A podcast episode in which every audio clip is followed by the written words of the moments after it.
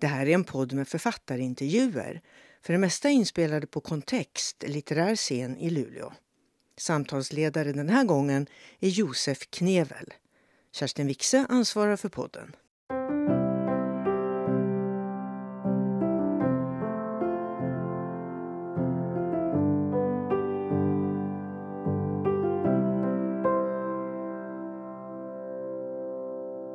Väldigt roligt att ha dig här. Välkommen hit. Tack. Säger jag Fint också. att vara här. Tanken idag är ju att vi ska prata om det som ligger på bordet här. Det är Kiruna-trilogin. Och vi ska få höra om Alice, tänkte jag. Mm. Jag tänkte att vi skulle prata om älvar, Tornedalen, katter, Katter, ja. Mm. drakar, ja. eller kanske en drake. Mm. Det kanske blir rädslor och spänning. Mm. Men jag skulle vilja börja i en helt annan ände.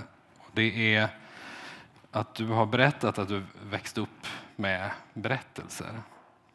Vad var det du fick höra och vem var det som berättade för dig? Det var ju en farfar jag hade som jag växte upp med. Man brukar ju säga att Tornedalen har en berättarkultur, men egentligen finns ju den över hela världen. Men min farfar han var enastående på att berätta. Och oftast var det ju inga, inga skrämmande berättelser så, men det fanns alltid ett obehag i hans berättelser utan att det på något sätt var liksom jättefarligt, utan det handlade om vardagliga saker som blev obehagliga. Och någonstans där tror jag att mitt intresse väcktes för spänningsgenren eller psykologiska thrillers som det har blivit för mig. Då. Att det där obehaget lurar i bakgrunden fast själva omgivningen kan verka trygg. Minns du något sånt där ögonblick med din farfar? Vad fanns han för det första i ditt liv? Bodde ni nära varandra? Eller? Han bodde i huset bredvid vars vi hade stuga. Så att vi åkte till stugan i Tornedalen då varje helg. Och där bodde han ensam i sitt hus. Så vi var ju många barn som samlades där och lyssnade på hans berättelser. Och det var mycket stämning. Han satt bredvid sin vedspis och han eldade i spisen. Och oftast var det på hösten, det var lite mörkt ute och kanske bara en lampa tänd. Så det var, det var spännande och det gav... Jag tror att det var där mitt intresse för berättelser väcktes. Och var det också så att det var liksom berättelsekvällar eller råkade det bara bli så? Nej, han hade ju talets gåva, alltså han älskade att berätta. Så att det, var inga liksom, det var inga speciella tillfällen utan det började med att man kom dit och hälsade på och så började han liksom bara berätta någonting och så hände de här sakerna. Det var magi tror jag. Det var magi i hans berättelser. Och när du liksom började se det där själv, minns Mm. du vad det gjorde med dig? Vad, vad förstod du i berättandet? Liksom? Det jag förstod det var ju att med en bra berättelse så kan man väcka någonting hos den som lyssnar eller läser då, som inte behöver vara uttalat i ord utan man kan förmedla en stämning i bara berättelsen och sen sker det någonting hos den som läser eller lyssnar. Och Började du själv berätta då? Eller minns du? Ja, men jag, skrev, jag började ju skriva. Jag tror att jag har väl aldrig berättat, liksom haft muntliga berättelser så, men jag började ju skriva på olika sätt. Jag hittade på. Ja, men det var nog då jag började skriva tror jag. Och hur gammal är du här? Åtta, tio år kanske. Ja, Vem, vem fick läsa? det var mina föräldrar som fick läsa. Jag skrev små häften och så ritade jag bilder och så gav jag till dem. Men sen fick jag också en skrivmaskin. Mina föräldrar har alltid tyckt att det har varit viktigt att vi har kunnat läsa och skriva. De har tagit oss till biblioteket och varit väldigt noga med det. Och också de själva har, haft, har burit på många berättelser som de har liksom delat med sig av. Men eh, ja, det var nog mest mina föräldrar i början som fick ta del av mina historier. Kanske var det där fantasin satte fart. Jag tror också att som barn på den tiden, jag är ju född i början på 70-talet och växte upp där och så i början på 80-talet, så barnen fick ha tråkigt. Och jag tror att det har varit jätte, det är jättebra för kreativiteten. Jag tror det är nyttigt. Man ska låta barn ha tråkigt. Mer tråkigheter. Eller inte tråkigt. inte mer, tråkigheter, mer, men nej, inte långtråkigt mer tråkigt. Ja. Det ska vara tråkigare. Mm. Förutom det här med din farfar och, och dina föräldrar, är det någon läsupplevelse som du minns som liksom sitter kvar i dig? Finns det någon bok som du minns som liksom aldrig släpper taget? Jag har ju en äldre syster som är sju år äldre. Och det är klart, hon var ju min idol när vi växte upp. Så hon eh, gav ju de böcker hon läste till mig. Och det var ju Stephen King som hon började. Så jag fick ju börja med alla de här Kujo och... Så mycket, det gav nog också mycket eh, att läsa de böckerna. Som egentligen var jag ju lite för ung för dem. Men någonstans fattade jag att det här var häftigt skrivet. Har du läst om dem? Mm, någon har jag nog gjort. Mm. När började tanken på att själv skriva som inte bara var till dina föräldrar? När, när dök den upp? När du tänkte att det här, det här vill jag att fler ska läsa än familjen? Eh, ja, när kan det ha varit? Alltså jag har ju skrivit väldigt mycket. Allt från de här korta berättelserna som jag häftade ihop och dagboksanteckningar. Jag har sökt mig till skrivande hela mitt liv. Men det allra första längre texten jag skrev faktiskt, det var nog när min mamma blev sjuk och väntade på en organdonation. Då skrev jag mina upplevelser och det blev nog mitt första manus innan böckerna om Alice kom. Men det var ju när jag började skriva, skriva om Alice som jag tänkte att nu ska det bli en bok. Eller när jag bestämde mig att det skulle bli en bok av det. Donationen är en gång 2006? Eh, 2007. För om vi går fram till 2015, för då, då vinner du t- tidningen eller magasinet Skrivas novelltävling med novellen Kompost. Mm. Som eh, är, det är verkligen en, en kort, kort novell. Den börjar med en fråga som är Är du rädd för din egen kompost? Vad, vad, vad var det här för novell? Ja, det här var också en... Eh, det var så här, jag hade en kompost hemma. Och jag tyckte den började bli lite äcklig faktiskt, för att den, det var larver och grejer. Och då sa min man till mig när jag skulle ut till den och jag var lite skraj. så sa han, är du rädd för din egen kompost? Och då tänkte jag så här att det där blir ju något av, av det där. Det är ju så jag får mina idéer. Jag hör någonting och så blir det liksom en text. Och så dök den här novelltävlingen upp och då skrev jag den. Och den börjar så, är du rädd för din egen kompost? Mm. Och det är ju också en psykologisk thriller. Läser man den så kan man tro att, att det är en finstämd berättelse om en, Kompost. en kompost. och det kan det också vara om man, det inte var så att, att den får lite eget liv, komposten, kan man säga. Det är ju spännande att läsa den här Är du rädd för din egen kompost för att den rymmer så mycket och den är knappt en A4. Jag gillar att skriva kort. Det här är ju lite. Ja, superkort. Ja, men det är ju lite så också att det behövs inte så mycket ord för att säga saker, för att bygga en stämning och för att göra det obehagligt. Så den blev kort. Om vi sen går vidare så studerar du på Österlens folkhögskola. Det är på distans. Och även där så vinner du, du vinner pris för novellen Islossning som också går att köpa. Du har tryckt upp den som, som en liten bok. Och den inleds med meningen för varje gång Birger höjer yxan över sitt huvud slår hans hjärta några extra slag. Det är en novell som, som inte bara innehåller islossning i älven, eller hur? Nej, precis. Jag ville ju ha den här bilden av att Birger står på vedbacken och han, han hugger ved och tänker tillbaka på sitt liv. Men återigen så lurar det ju andra saker i bakgrunden som man får veta då när man läser den här, här berättelsen. Samtidigt så pågår islossningen i bakgrunden och det är liksom när han hugger här, de här vedklabbarna och så så händer det saker hela tiden som han tänker på. Och frun ropar där i bakgrunden och han tänker på sina föräldrar som har dött och på döden är det mycket med i mina texter. Och sen när isen går så liksom kommer det sista slaget som, som är förlösande för honom kan man säga. Verkligen. Mm.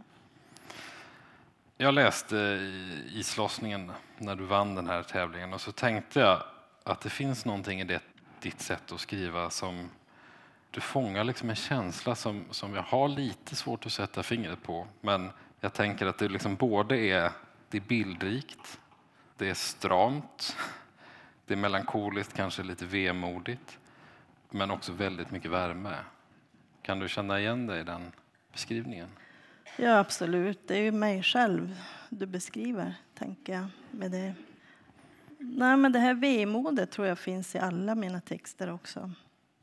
Jag ska inte säga att döden finns med, men ofta har jag funderat var det här vemodet kommer ifrån. Är det liksom något som man kan ärva? Kan man ärva vemod? Eller kan man... Kan man det? Jag tror det. Jag tror det. Annars har jag ingen förklaring. Jag vet faktiskt inte. Eller melankoli, det är lite samma där. Men kan det också vara en tanke om att det vemodet och melankolin inte bara handlar om att, att det också finns någonting som är vackert i det? Eller vad, tänk, vad lägger du i vemod och melankoli? Jo, men absolut. Det hänger ju ihop. Det kan ju vara... Alltså, det finns ju no någon skönhet i det här vemodet också. Och i melankolin. Ja, men det går nog som en röd tråd genom alla, alla mina böcker, allt jag skriver. Det är vemodigt, det är sorgligt. sorgligt vackert. Novellerna som vi har pratat om här och, också texterna, hur är det? Du sa det lite grann, men hur, hur, hur kommer de till dig? Förutom att din man frågar om du är rädd för komposten. Mm. Nej, men det kan vara olika. Jag vet, när jag skulle skriva radionovellen då hade jag ungefär en bild om vad jag ville skriva. Jag ville, jag ville skriva någonting som utspelar sig i, i Tornedalen. Jag ville att det skulle vara en älv med och så tänker jag vad gör man? Man åker och lägger nät, fiskenät. Men så låg jag i sängen en kväll innan jag skulle somna och då kom den där klara bilden av hur den här mannen står i båten och lägger nät och skär sig på näten och börjar blöda. Så det är så den började. Och när jag börjar skriva så är det ofta så att karaktärerna börjar leva sina egna liv. Speciellt var det så med Alice, men henne kan vi återkomma till. Men med den här mannen då i Den vita rosen, mm. som blev radionovell. Där var det så att när jag började skriva, han la nät, han skar sig på handen, så fick jag en sån här bild så tydligt av hur han höll sig för örat och hur han hörde ljud som sen då fick en förklaring. Så det liksom rullade på. Men det kan vara, jag hör någon mening, någon säger något, jag ser någonting, så växer det. Det är sällan så att jag går och tänker att nu ska jag skriva en, en berättelse här om en bilmekaniker i Kiruna, utan jag får olika delar och sen rullar det på. Och det är ganska visuellt? Mm. Ja, det måste jag säga. Mm. Jag ska säga att när den, eh, den vita rosen som också nominerades till Sveriges Radios Nobelpris 2018, tror jag det var. Mm. Den inleder du med det droppar blod från hans högra handflata. Mm. Jag ska komma tillbaka till det här, men jag vill bara fråga, för att då är det både tidningen Skriva som du vann, Folkhögskolan som du vann och som nominerad till det här Nobelpriset. Vad gör det att, att få priser eller också när det är... Mm. Nej, men jag har tänkt på det där att om, jag inte, om det här inte hade hänt, hade jag fortsatt skriva då? Det tror jag i och för sig att jag hade, hade gjort. Men det är ju en bekräftelse på att någon någonstans tycker att man skriver bra. Eller skriver bra. De uppskattar det man skriver, helt enkelt. Men jag tror också att det är jätteviktigt att man, att man tror på sin egen text. När man går en skrivarkurs till exempel så är ett av momenten att ge ge feedback till andra författares texter. Och det är jätte, jättebra. Men man måste också känna att men det här är min, min text. Man kan ta emot synpunkter, men man måste tro på sin text. alltid. Man måste tro på sig själv och på det man skriver. Jag tror att det är så man hittar sin ton, sin egen ton. Det är ganska lätt att säga det, men mm. hur gör man det? hur har du gjort? Alltså, jag vet inte jag, jag har ju alltid bara känt att men det här är min det här är mitt sätt att skriva och det här, är min, det här kommer från mig. Det här är min stil. Och sen har jag alltid, eller alltid, men nu när jag har haft böckerna så har jag vetat vad... Jag tar jättegärna emot kritik när jag skriver de här böckerna men jag vet ju samtidigt själv vad jag tycker så måste jag ju liksom... Jag måste ju tro på mig själv. Och det har du också verkligen gjort. Alltså innan, nu har de kommit ut på ett förlag som heter Modernista, men innan de gavs ut av ett förlag så gav du ut dem själv. Mm. Hur gick det till? Då? Liksom, det är en lång process, men, men Mm. hur, gör man? Det är många som Ja, vill ge ut sig själv. Nej, men, ja, men först hade jag ju bestämt mig för att det skulle bli en bok. Så jag gjorde som så många gör. Jag skickade till förlag. Man skickar in manuset till förlag. Det kan ta en månad, det kan ta ett halvår, så får man svar. Och så blev det nej. Jag vet inte hur många förlag jag skickade till. Eh, och det gick några år. Och då började jag tänka att men, jag kan ju inte hålla på så här. Men samtidigt så såg jag ju ingen annan väg. Om det inte finns ett förlag, vem ska då göra en bok av det hela? Men så var det min lärare på LTU, jag läste kreativt skrivande då, som sa att ge ut dem själv. Ge ut den själv. Och då tänkte jag först, aldrig. Det kändes som ett misslyckande. Ska jag ge ut min bok själv? Jag menar, jag som har häftat ihop böcker själv hela mitt liv. Nej, ska det vara så ska det vara på ett förlag. Men så insåg jag ju också att åren går om jag ska vänta på förlag. Det är ett nålsöga att komma igenom. Jag hade trillat på mållinjen många gånger. Jag hade fått kontakt med förlag. De hade låtit det gå vidare till redaktörsläsningar. Jag fick förslag på ändringar. Det var ett förslag som tyckte att ja, om du ändrar på slutet och nu ska jag inte spoila här, men att om Alice istället gömmer sig och liksom blir räddad så då kan vi titta på den igen. Men då, då trodde jag på min text och kände att nej, då blir det någon helt annan berättelse och det är inte den jag, som är min berättelse. I alla fall så gjorde jag som min lärare sa. Jag bestämde mig för att ge ut den första Frosten själv. Och så tänkte jag, den får inte kosta pengar, för jag hade ju inga pengar. Så jag, jag tog hjälp av ett tryckeri då jag gjorde all design själv. Det blev ganska hyfsat bra ändå. Jag var ganska nöjd. Och så tryckte jag upp den som pocket för att den skulle gå lätt att sälja. Man får vara smart också. Sen skickade jag ut den till vissa bokbloggare för jag hade en plan här med Instagram och Facebook hur jag skulle nå ut. Och så sålde jag den först i Kiruna och den fick jättebra kritik. Och då tänkte jag att jag är på rätt spår. Jag åkte liksom och sålde den vars folk hade en koppling till mig. Att jag inte var helt okänd utan att de kunde, jaha du är deras flicka, ja men då köper vi en bok av dig. Så blev cirklarna större och större. Handelsborden i Kangos var du på bland annat. Ja, affären. Jo.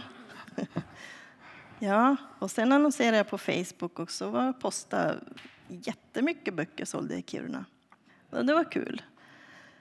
Men det hördes ju inget förlag, hörde jag sig. Så då hann jag ge ut Norrskensnatten också. Sen fick jag ett mejl av Modernista som skrev att de jättegärna ville ge ut böckerna på sitt förlag och undrade om jag ville skriva en tredje del också. Och jag var ganska matt vid det laget och har gett ut böcker själv för det är ganska mycket jobb så att jag var jätteglad när jag fick det där mejlet. Så vi skrev avtal på, på en bok till så det blev en Kiruna-trilogi. Och den sista, det var Gryningsjakten. ja. Mm. Det kräver ju inte bara vemod och melankoli. Det är- Det är ganska mycket tålmodighet och tjurskallighet. Och skriva böcker. Ja, och bli, Ja. bli utgiven. Ja, det är det. Det är det. Men vill man någonting så, så går det. Med små steg i taget. Var, när jag gav ut själv, alltså skulle hämta hem program till datorn för att göra designen. Alltså det var många gånger jag bara låg och hyperventilerade och tänkte att jag ger upp. Och så tänkte jag att nej, det gör du inte. Nu tar du ett steg i taget. Läs. Jag lånade böcker från biblioteket för att läsa hur jag skulle gå och designa de här sidorna. Och tänkte att det måste gå. Jag tar ett steg i taget. Men nu med ett förlag, nu känns det ju jättelätt. Jag behöver inte göra någonting annat än att skriva förstås. Då. Mm det är bara den detaljen. Det Ja, är du den ska bara skriva. Ja. ja. Det var Men som det- den här sista boken, då sa jag att Alltså jag har ju en början och ett slut. Alltså det kommer bli så bra. Det är bara den där mittendelen som är kvar. Så, ja. Jag tänker att det är någonting man ser i dina noveller. Är du rädd för din kompost? Birger höjer sin yxa över huvudet och hans hjärta slår ett par extra slag. Det droppar blod från en handflata som man också kan läsa i, i den här trilogin som handlar om att du, precis som du sa innan med din farfar, att du, det finns någonting som händer. Man vet inte riktigt. Är det läskigt? Vad är det som är spännande? Och det som är, liksom, det är, det är oförutsägbart på något sätt. Mm. Trivs du i det där oförutsägbara? ja, det gör jag. Därför att jag, jag är ganska lättskrämd själv. Så att det behövs ju inte, jag behöver inte dra till med sådana blodiga detaljer. Liksom och, eh, så för att jag kan tycka att det är obehagligt. Du har en vild Nej. fantasi också. Det kan man säga om man vill. ja. Jag ska komma tillbaka till det här med rädsla. Men jag tänkte att vi går in i Kiruna-trilogin. Det är Den första frosten, Norrskensnatten och Gryningsjakten. Och i alla tre får vi ju följa Alice, Alice Lövhed. Hon är bilmekaniker från Kiruna. När mötte du henne första gången? Jag mötte nog henne sommaren 2014 när jag bestämde mig för att jag skulle skriva en bok om, om henne. Och egentligen skulle det bli en bok om en ung kvinna som bodde, hoppade av ekorrhjulet och bosatte sig i skogen och hade höns och så vidare. Men sen var jag ute och promenerade med min hund och mötte en liftare efter vägen som var på väg till Nikkaluokta. Jag växlade nog några ord med honom. Han kom från Finland. Och nu hoppas jag att han aldrig får höra det här, men han blev ju... Han satte igång min fantasi. Och när jag satte ihop den här karaktären med liftaren med min andra karaktär Alice så blev det ju en helt annan historia än en, än en berättelse om bara en kvinna som flyttar ut i skogen. Så de, när jag parade ihop de två så då föddes den riktiga, riktiga berättelsen. Man kan väl utan att avslöja någonting säga att liftaren då blev Raumo Mm. som, eh, som inte är den vänligaste mannen på jorden, Nej, kanske. kanske. Men samtidigt så, och det här måste jag säga, att jag på något sätt, jag finns ju med i alla mina karaktärer. Men Rauma är ju också en god människa, tycker jag. Han har både goda och onda sidor. Alice då? Förutom att hon kom in där, vem, vem är hon? Alice är en ung kvinna som har tvingats att växa upp ganska tidigt eftersom hennes föräldrar dog i en bilolycka. Och då fick hon växa upp hos sin farfar. Men hon, hon har ganska stora behov av att vara ensam. Och I början av den första frosten så jobbade hon som bilmekaniker men hon, hon avslutade jobbet och ger sig ut vidare i livet. Hon har ju ett sätt att hantera sina, sina problem på ett lite annorlunda sätt, kan man säga. Ja, det kan man säga. Mm. Man, man, man kan säga, att- eller den första frosten inleds med två trauman. Mm. Farfar dör, det är en begravning i början och han stod ju henne väldigt nära. Och sen är det en kollega som kanske inte stod lika nära som krossas under en bil Mm. på bilverkstaden där hon jobbar. Och för att få en paus från allt det där så behöver hon liksom leta upp sig själv. Mm. Hon hyr en stuga ganska långt bort och Mm. möter... Vilka är det hon möter där i stugan? Hon möter, dels möter hon ju sig själv, men hon möter också Jonas som, som har sin stuga i närheten och sen eh, Raumo då, som är på väg upp till fjälls för att hitta fjällrävar. Och den här platsen, vad, Mm. vad spelar platsen för roll för dig när du, när du skriver? Alltså i alla mina texter, men speciellt om vi tänker på den här Kiruna-trilogin, då, så finns ju älven med hela tiden. Och det både för att jag själv upplever, alltså jag lever nära naturen, jag upplever ett lugn i naturen. Och, och för Alice blir det ju också så. Samtidigt är det ju en, en kuliss till fruktansvärda saker som kan hända i naturen också. Alltså att naturen också är... Naturen är ju också på något sätt Naturen är ju också på något sätt nästan ett väsen, måste jag säga, i böckerna. Så kan jag säga. Men samtidigt vill jag ju också ha det här lugnet i naturen mot det som inträffar sen. Som en kontrast nästan. Och älven, det är ju inte bara i böckerna. Två av novellerna, komposten fick den inte plats i. Nej. Men de andra två novellerna Mm. är ju älven, islossning och, och i Den vita rosen så är ju älven bärande. Mm. Vad, vad är det med älven och, och dig? Ja, vad är det med älven och en tornedaling? Det är väl det som hänger ihop. Alltså älvarna har ju alltid varit en, eh, en bärande del i vår kultur. Vi har varit beroende av älvarna, färdas efter älvarna. Älvarna har gett mat och, och vatten och så vidare på många sätt. Så jag känner en, en stark koppling till älven. Det har jag alltid gjort. Men det är älven, det är ju en älv, det är inte Kalix älv som du bor vid nu. Nu bor jag vid Ja, Kalixälven. men Ja, det, men- är, men det den har du inte alls samma relation till. Nej, det har jag inte. Det här låter konstigt kanske. Jag vet inte om fler har såna här älvrelationer. Min älv är ju Lainioälven. Mm.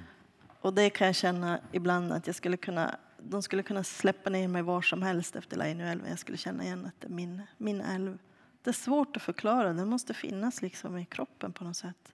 När man i generationer har bott bredvid samma älv så tror jag ju att på något sätt så, så finns den med. Årstiderna skiftar ju också i de tre böckerna.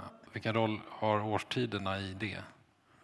Jag ville ju gestalta då Kiruna, hur, alltså, alla fantastiska årstider vi har här uppe.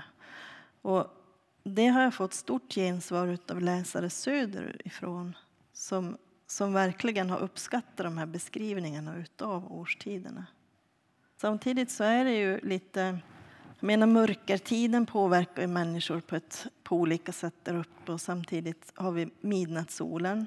Så att det, det, jag tror att årstiderna påverkar människor som bor i Kiruna mycket. Men är det också ett sätt att plocka fram naturens väsen? Mm, absolut är det ju det. Mm. Det här med, med rädslan, jag tänker att jag vill komma tillbaka till det. Mm. Vad, vad har den för roll när du skriver? Kan du bli rädd av det som händer in, när, när, när, när du skriver? Eller du skriver väl kanske på... Ja, men jag måste ju bli rädd för det jag skriver. När jag blir rädd för det jag skriver då vet jag att jag kan förmedla samma känsla till läsaren. Kan du bli förvånad över att du blir rädd av det du skriver? För att du själv har kommit på det? Nu när du säger det låter det konstigt, faktiskt.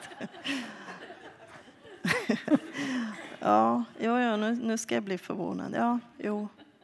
Jo, men det är ju lätt, det är förvånande faktiskt att man kan bli det. Eller det kanske hänger ihop med fantasin, att man har så bra fantasi att man till och med kan skrämma upp sig själv.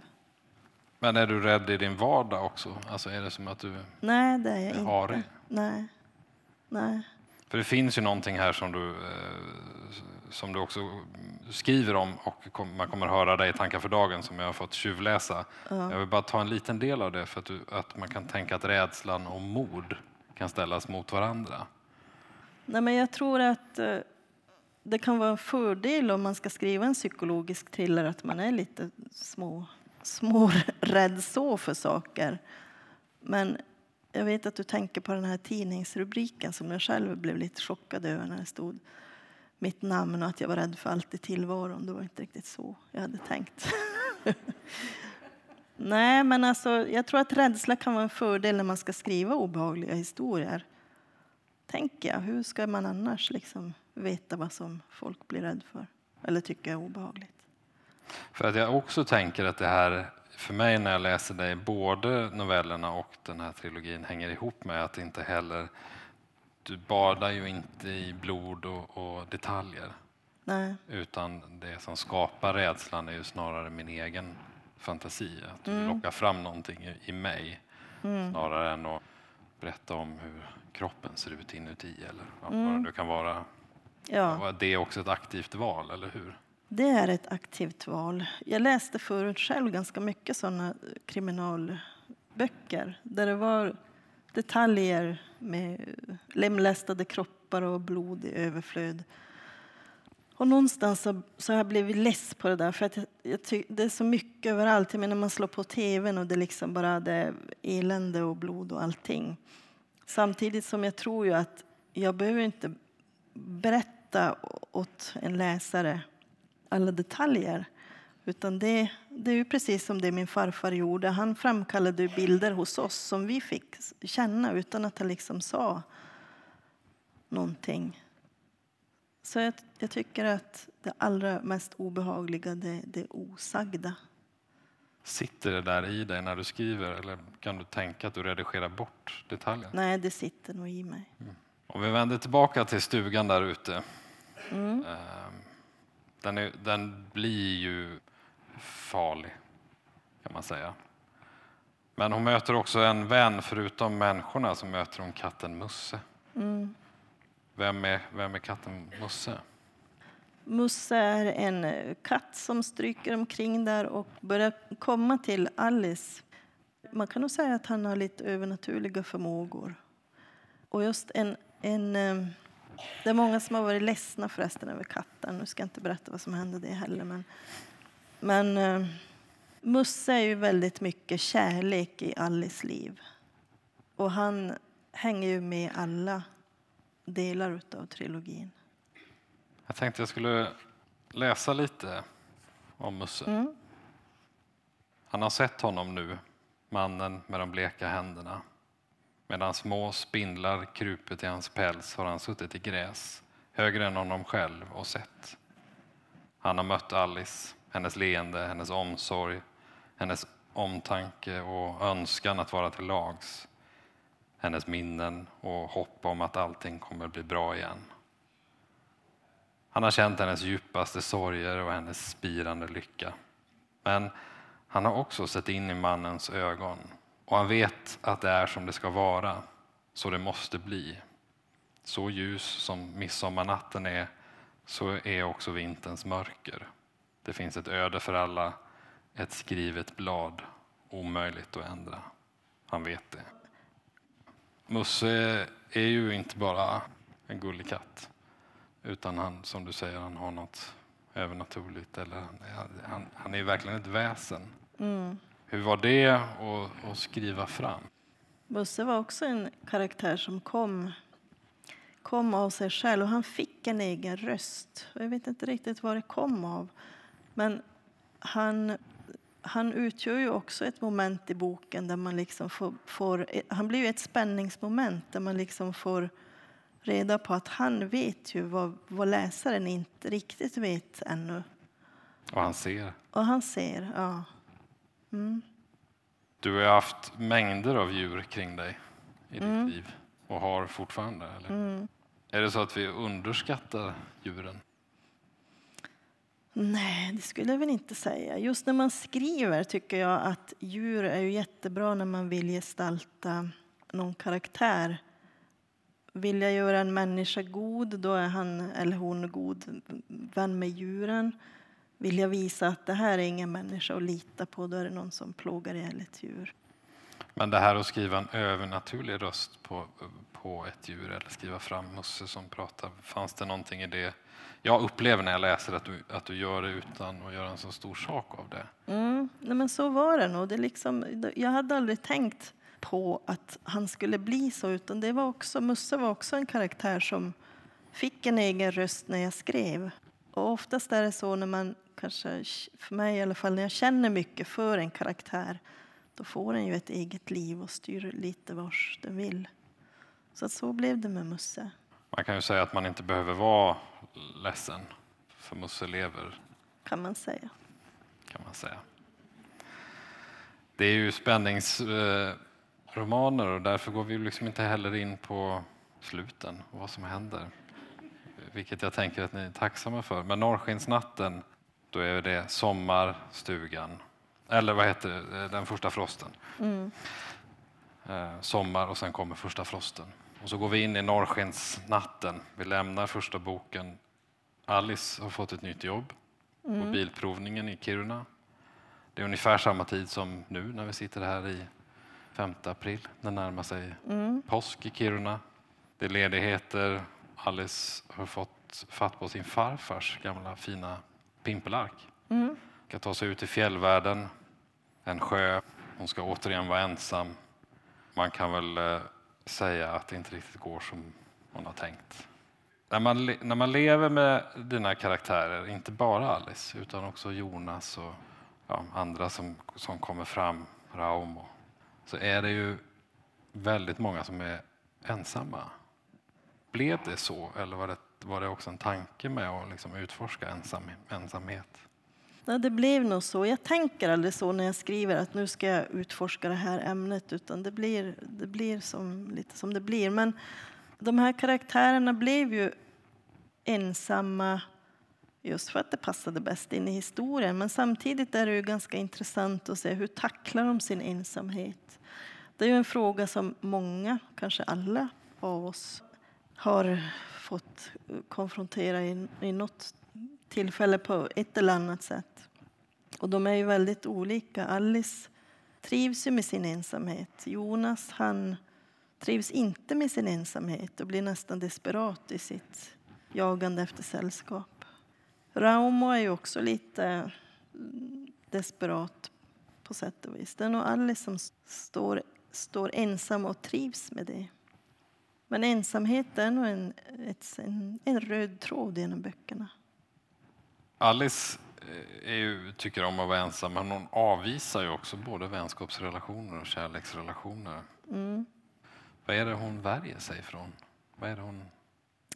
Hon värjer sig från närhet, tror jag.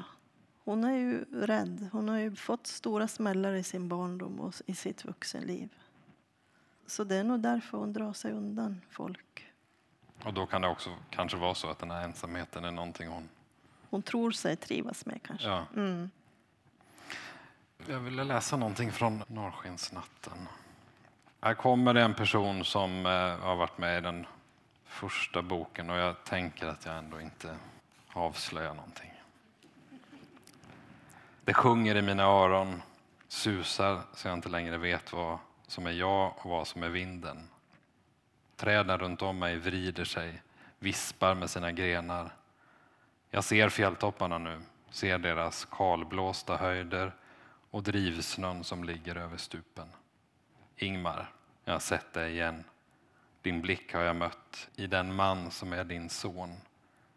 Ondskan har jag sett i hans ögon, den som du gav honom, som finns kvar. Jag fortsätter en bit, men jag stannar där. För jag funderar lite på det här med ondskan. Tänker du att, att det är inte bara vemod som ärvs, utan också ondska? Ja, men så är det ju. I alla fall i det här fallet i böckerna. Men det kan jag mycket väl tänka mig. Att om man, om man är medveten om sitt, sitt ursprung eller arv och det bär på mycket hemskheter så har man två val. Antingen att bli helt tvärtom eller så faller man i samma bana, tror jag. Och att det krävs ganska mycket kraft för att... Ja, att ta sig ur det. Eller att ändra på, på sin historia. Hur nära går ilskan och ondskan, tänker du? Hur menar du då? Är de, eh, är de liksom besläktade med varandra? Eller är det... Nej, det tror jag inte att de behöver vara. Jag tror att det kan vara två, två helt olika saker. Vad har Alice i sig av, av ondska, tänker du? Jag tror inte Alice har något ont i sig. Och nu hör jag ju hur konstigt det låter eftersom det händer så mycket ondskefulla saker. Nej, eftersom jag tror att Alice, Alice i själen är god så, så hon, det händer ju ondskefulla saker. Men nej, hon är inte ond. Hon är arg. Hon kanske är arg helt enkelt. Hon är arg och trött. Hon är less. Och då går det som det går. Det går som det går. Mm. Den som läser får se. Mm. Vad får du för reaktioner på karaktärerna i din, bok när du möter läsare?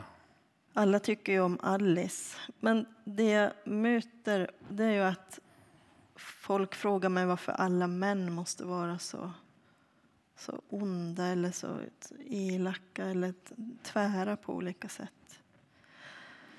Och jag vet faktiskt inte. Det blev bara så. De, det skulle inte vara så. Till exempel Lars som hyr ut stugan till henne i början. Han tänkte jag att men, han ska vara en liten mysfarbror. Snäll. Men så börjar jag skriva och så blir det inte det. Och det, det är som att, det är som att eh, Alice...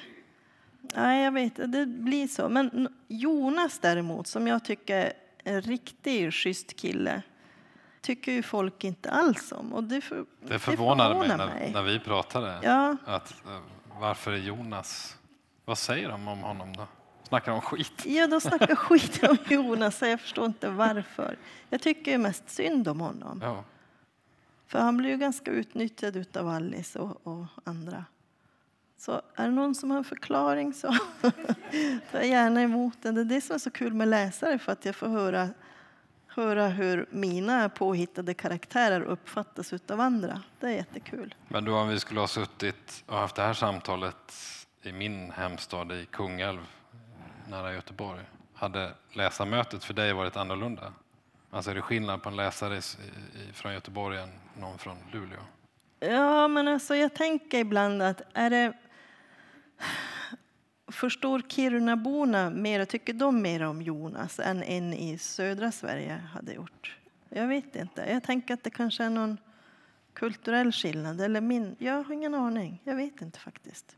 Tänker du på det, hur du skriver Kirunaborna eller om jag nu är göteborgsk norrlänningen? Nå, I sista boken, i gryningsjakten, där tänkte jag lite till att jag måste någonstans, de måste säga lite positiva saker här nu så att, så att det inte är helt igenom nattsvart. Men så läste jag någon recension någon som skrev att nu vill jag aldrig mer åka till Kiruna. Swedish Lapland gråter. Ja, men sen är det många som vill åka till Kiruna också. Tack och lov. Tack och lov. Norrskensnatten lämnar vi. Det är påsk och kaos kan man säga ute. I gryningsjakten då har Alice tagit lite semester. Mm. Hon eh, tror att det kanske är skönt att åka till eh, Rhodos. Mm. Det är inte så skönt. Nej, det, det, det är varmt. Det, det är varmt. det, är svårt att andas och hon, hon svettas mycket och, och tänker och vill hem. Hon kommer hem och för första gången på länge ska hon vara med och jaga älg. Mm. Det kommer en ny kvinna in, en karaktär som heter Anna, mm. som är ju väldigt vänlig. Ja. och jag döpte henne efter mig själv. Det var jag tyckte att hon, hon var en bra chef och skulle ha ett fint namn. Ja. Det är hon verkligen. Mm. Alice kommer ut i skogen för Anna ska på kurs i, i södra Sverige och de har lagt kursen mitt i älgjakten såklart. Mm. Ja, du ser. Och det börjar hända saker i skogen som ju inte bara är bra. Men jag tänkte börja med prologen. Mm. Dag blir till kväll, blir till natt. Blinkande lampa på gruvbergets topp. Bleksvagt sken från lyktor och dis. Staden sover. Så rör hon på sig, jämrar där under marken. Rör sig oroligt. Gruvdraken. Hon som äter allt mer av staden. Som får eh, människorna att flytta, biter i malmkroppen. Folk skyndar, måste bort, hus ska flyttas. Men eh, mycket vill ha mer och hon är omättlig. Låter gruvdammet precis lägga sig innan allt skakar igen.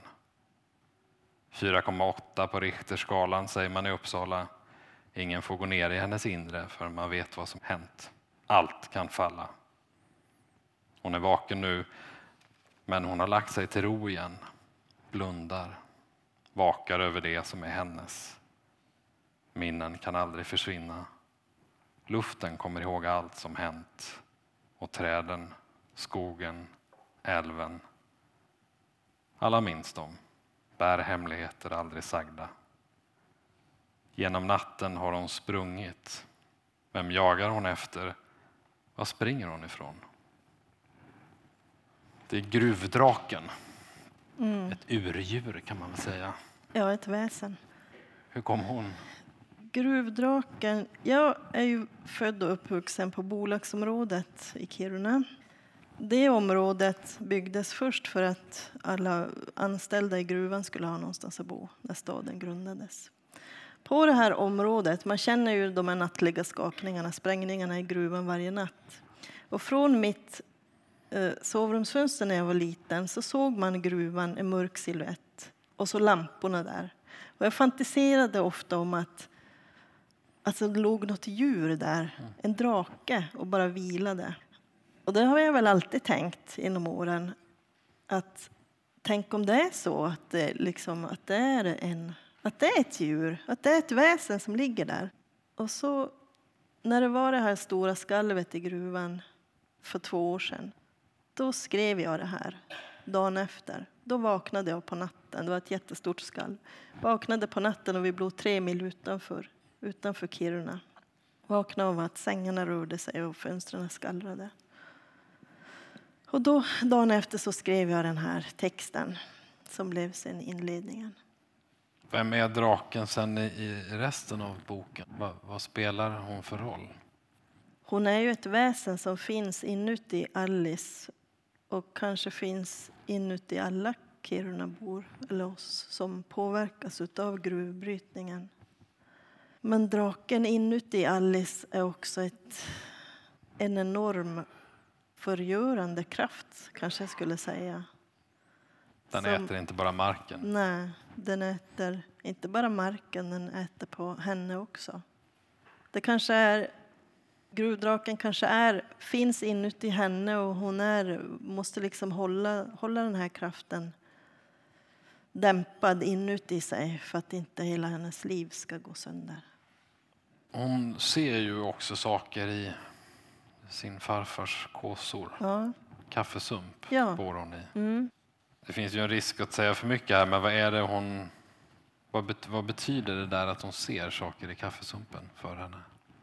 Ja, det här med att spå i kaffesump, det tycker inte jag är så konstigt. Det gjorde vi, mina mostrar alltid när jag var liten. Men hon ser ju en... Hon ser ju lite vad som kommer hända i framtiden. Och så minns hon också att hon har sett någonting hända som barn som kastar omkull hela hennes uppfattning om vad som hände föräldrarna. Skrämmer det henne att hon, att hon vet att, att hon då ser saker som händer? Nej, jag tror inte det. Nej, hon blir inte rädd. Hon blir inte rädd. Däremot får det ju henne att... Och hon bär nog, på, hon bär nog saker inom sig men just att hon handlar sen av rädsla, det gör hon inte. I den här den sista boken så tänker jag att hämnd är någonting som tar plats. Vad spelar den för roll, hämnden, tänker du, i den här gryningsjakten? Hämnden i den här sista boken blir ju ett sätt för henne att göra upp med sitt förflutna eller sin barndom. Hon eh, hämnas på ett eh, ologiskt sätt men för henne blir det liksom det blir ett avslut på sin egen historia, kan jag säga. Det är svårt att veta hur mycket jag ska berätta utan att berätta liksom allting, men, men så kan jag väl säga. Finns det någon koppling, tänker du, mellan hämnd och förlåtelse i det här? Ja, jag tror det. I alla fall för henne så hämnas hon ju på den här händelsen så för henne representerar hennes barndom. Och i och med det kan hon liksom förlåta, förlåta det som hände på något sätt. Fast i verkligheten skulle inte det här, jag hoppas jag kunna hända, men i hennes värld så, så funkar det så. Mm. Möter du henne fortfarande? Kul att du frågar. När jag hade avslutat den här boken så kändes det jättetomt det kändes verkligen som att men, är, alltså, ska hon aldrig komma tillbaka nu? Men sen skrev jag vidare på ett annat manus och tänkte att ja, men, det, är, det går bra här. Jag, jag klarar mig utan Alice. Det är bara det att ibland så tittar hon fram och liksom, ja, men vi kanske inte är klara med varann, säger hon åt mig. Så att det är inte omöjligt att hon någon gång kommer tillbaka. När vet jag inte, eller i vilken form. Men hon är väldigt... Jag märker ju det när jag skriver på det här nya manuset jag håller på med nu. Att jag kan tänka, hur skulle Alice ha gjort här? Och det är ju konstigt. Liksom hur, att hon har en röst som att hon sitter bredvid mig och jag rådfrågar henne. Hur skulle du ha gjort i den här situationen? Och oftast har hon bra svar också. ja. Har du ett ansikte på Alice?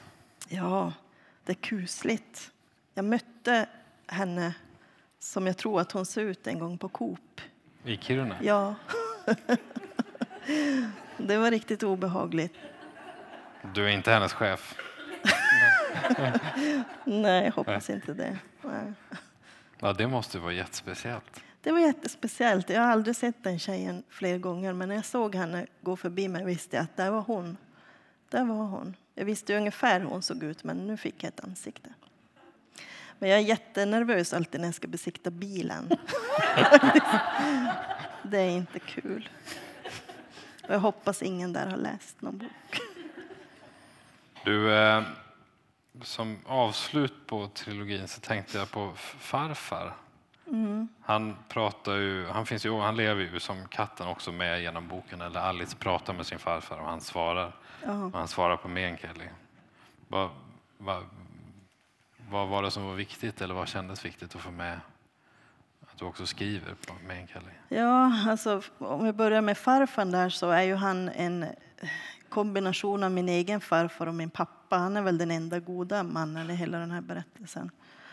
Men eh, meänkieli är ju ett språk som, som jag förstår men inte kan prata desto mer. Några ord, men jag kan liksom inte föra en dialog.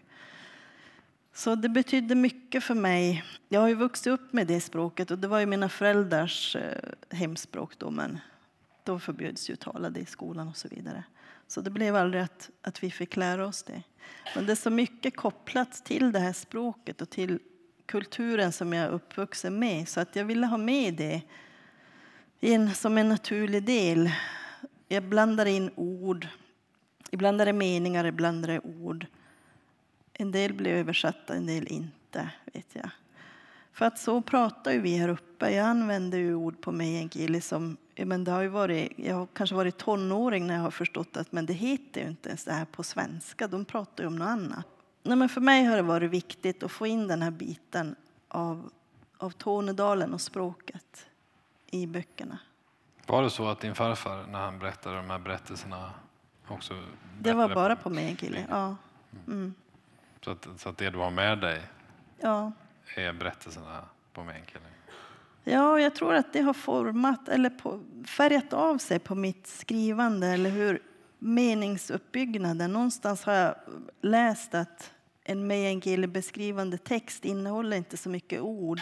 Det behövs inte så mycket ord för att beskriva någonting som du till exempel måste på en motsvarande text på svenska. Och någonstans där tror jag att kanske meningsuppbyggnaden och hur jag skriver, att det någonstans bottnar i det här språket, meänkieli, tror jag. Om vi blickar framåt. Du har ju nämnt att du skriver om någon annan, eller du och Alice skriver om någon mm. annan. Vad är det, vad är det vi, vi kommer få läsa? Vad kan du säga? Ja, det blir ju en ny psykologisk thriller som utspelar sig i Kiruna. Den kommer ut nästa, nästa vår, om ett år. Då. Och det är också älven en central del på många sätt i den som i allt. Vilken så, älv blir det då? Helst hade jag ju velat ha Lainioälven, men nu är det så att det blir en annan älv och det kanske blir Torneälven. Vågar du ta in Lainioälven? ja, no, men ja, jo. Den kommer. Ja. Hur många parallella berättelser har du? Eller hur många går du och bär på? Ja, men dels är det ju den här eller de här kommande. Men sen är det ju en till, en till bok som har börjat ta form i bakhuvudet. Och det var i samma ögonblick när jag skrev ut det här manuset på papper för att läsa igenom det själv. När liksom, nu är den klar, nästan då. Som jag liksom hörde en röst och en liten människa där som vinkade och sa att men nu måste du berätta min historia. Och så hörde jag liksom den historien och tänkte att ja, jag måste berätta den här människans berättelse nu. Vad händer den dagen folk slutar säga att de vill bli berättade? Jag tror aldrig att det händer. Det finns så mycket berättelser i världen. Det tar aldrig slut, hoppas jag. Det hoppas inte jag heller att det gör. Ja. Jag vill också bara avsluta med att förutom de här spänningsromanerna så sa du det i början att det kommer ytterligare en eh, men som handlar om din mamma. Mm. och En transplantation, Mm. levertransplantation. Ja. Vad, vad var det du skrev? Det här var ju något av det första som du skrev som var längre än... ja, det här börjar ju egentligen som dagboksanteckningar från när min mamma var sjuk, en eh, leversjukdom och väntade på organtransplantation. Det var 2007. Och jag skrev så mycket under den här tiden att, att jag till slut kände att men jag måste berätta det här till någon. För att jag sökte själv böcker och information överallt för att få reda på saker, dels om sjukdomen, om organdonationer, transplantationer, men det fanns liksom ingenting. Och att stå nära en anhörig som är så svårt sjuk, den, varje dag liksom är ett steg, man vet att det är ett steg närmare döden om det inte kommer en ny lever. Det är så fruktansvärd situation så att kan det hjälpa någon enda människa så, att, så då är det värt. Men min mamma skulle, hade hon levt idag hade hon sagt att nej, berätta inte det här. Hon ville inte liksom stå på framsidan någonstans. Men nu gick det som det gick. Så att för mig känns det som en viktig berättelse att dela med mig av. Och när är det vi kan få läsa den här? Den kommer ut som ljudbok nästa år, 2023. Jag tänkte att jag kanske kunde få avsluta med att ta inledningen på den. Mm. Till dig som dog vill jag säga, vi väntade. Inte så att jag ville att du skulle dö, inte alls. Jag ville bara att min mamma skulle leva. Mm. Så börjar den. Och, och även om den skiljer sig väldigt mycket från såklart spänningsböckerna eh, och Alice så känner man ju verkligen igen dig och din röst. Jag har fått lov att läsa den. Mm. Och att det finns en väldigt tydlig, ett väldigt tydligt Anakoro-språk. Mm. Hoppas jag fortsätter länge. Tusen tack för att du kom hit och att jag Tack för att jag fick komma hit. Tack.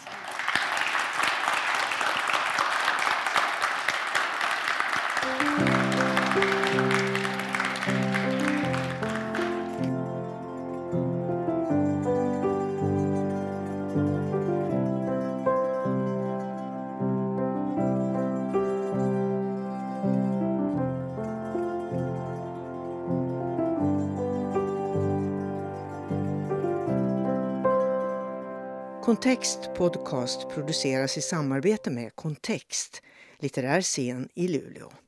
Författarscenen drivs med hjälp av Statens kulturråd och Luleå kommun.